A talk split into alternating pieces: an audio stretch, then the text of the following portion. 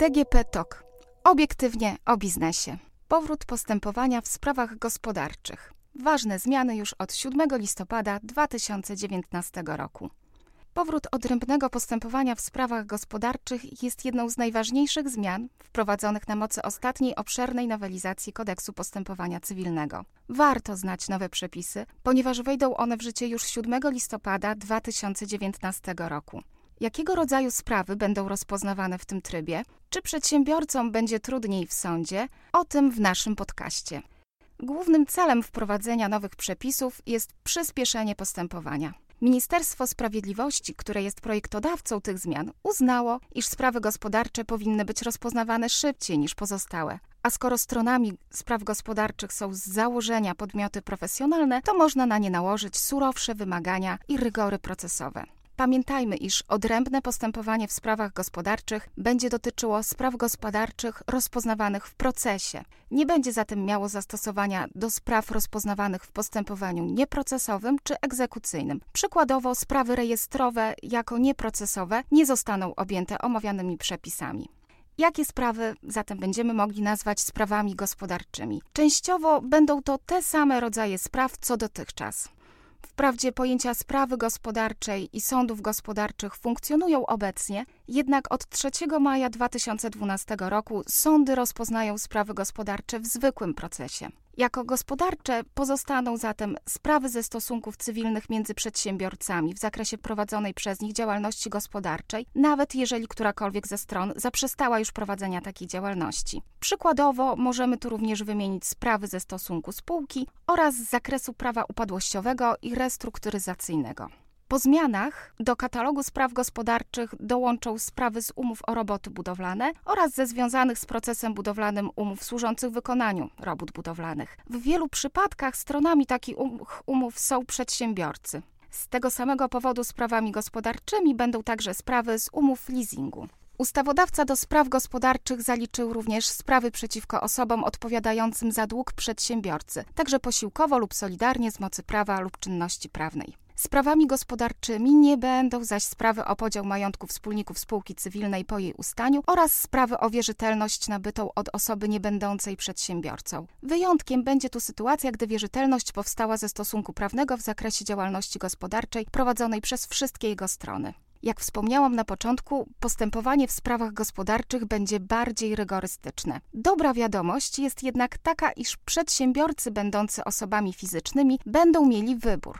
Uprawnieniem takich osób będzie żądanie, aby ich sprawa została rozpoznana przez sąd w zwykłym procesie.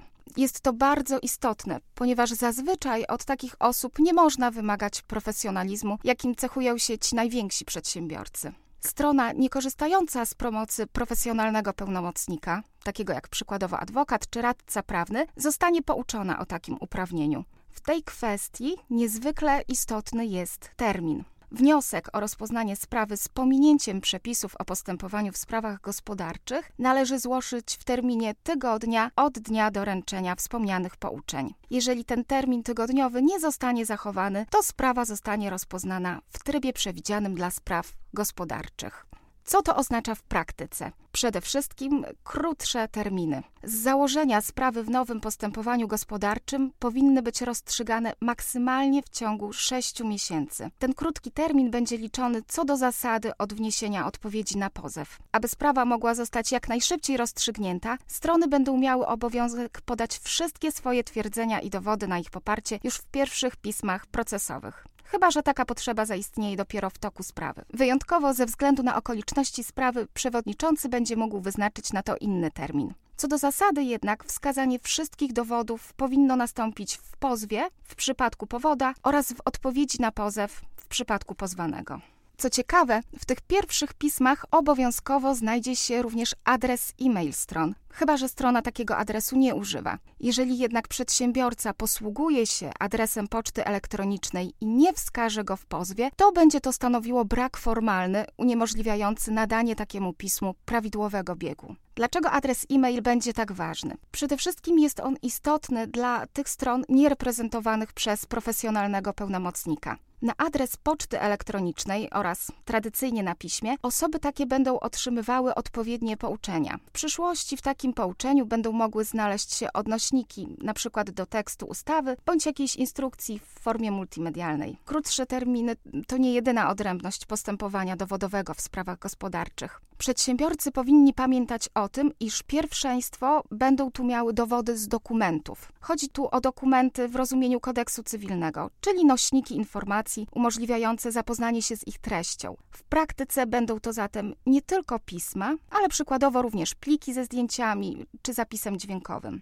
Co istotne, dowód z zeznań świadków sąd będzie mógł dopuścić jedynie po wyczerpaniu innych środków dowodowych lub braku takich środków, kiedy nadal pozostały jakieś niewyjaśnione kwestie. Całkowitą nowością jest możliwość zawarcia przez strony procesu umowy dowodowej. Umowa taka będzie wyłączała określone rodzaje dowodów, np. z zeznań świadków czy z opinii biegłych. Będzie można zawrzeć ją nie tylko na piśmie, ale również ustnie przed sądem. Ma to uwydatnić zasadę, która przyświeca całej nowelizacji, zgodnie z którą to strony są gospodarzami procesu. Ponadto oczywiście powinno przyspieszyć proces. Aby postępowanie przebiegało sprawniej, wyłączona została również możliwość stosowania niektórych instytucji procesowych, takich jak przykładowo powództwo wzajemne. Poza pewnymi wyjątkami nie będzie również możliwa zmiana powództwa, polegająca na wystąpieniu z nowym roszczeniem zamiast lub obok dotychczasowego. Intencją ustawodawcy jest, aby przed sąd nie trafiały sprawy, które mogłyby zostać rozwiązane poza nim, w drodze negocjacji. Rozwiązywanie sporów przed sądem bez wcześniejszych prób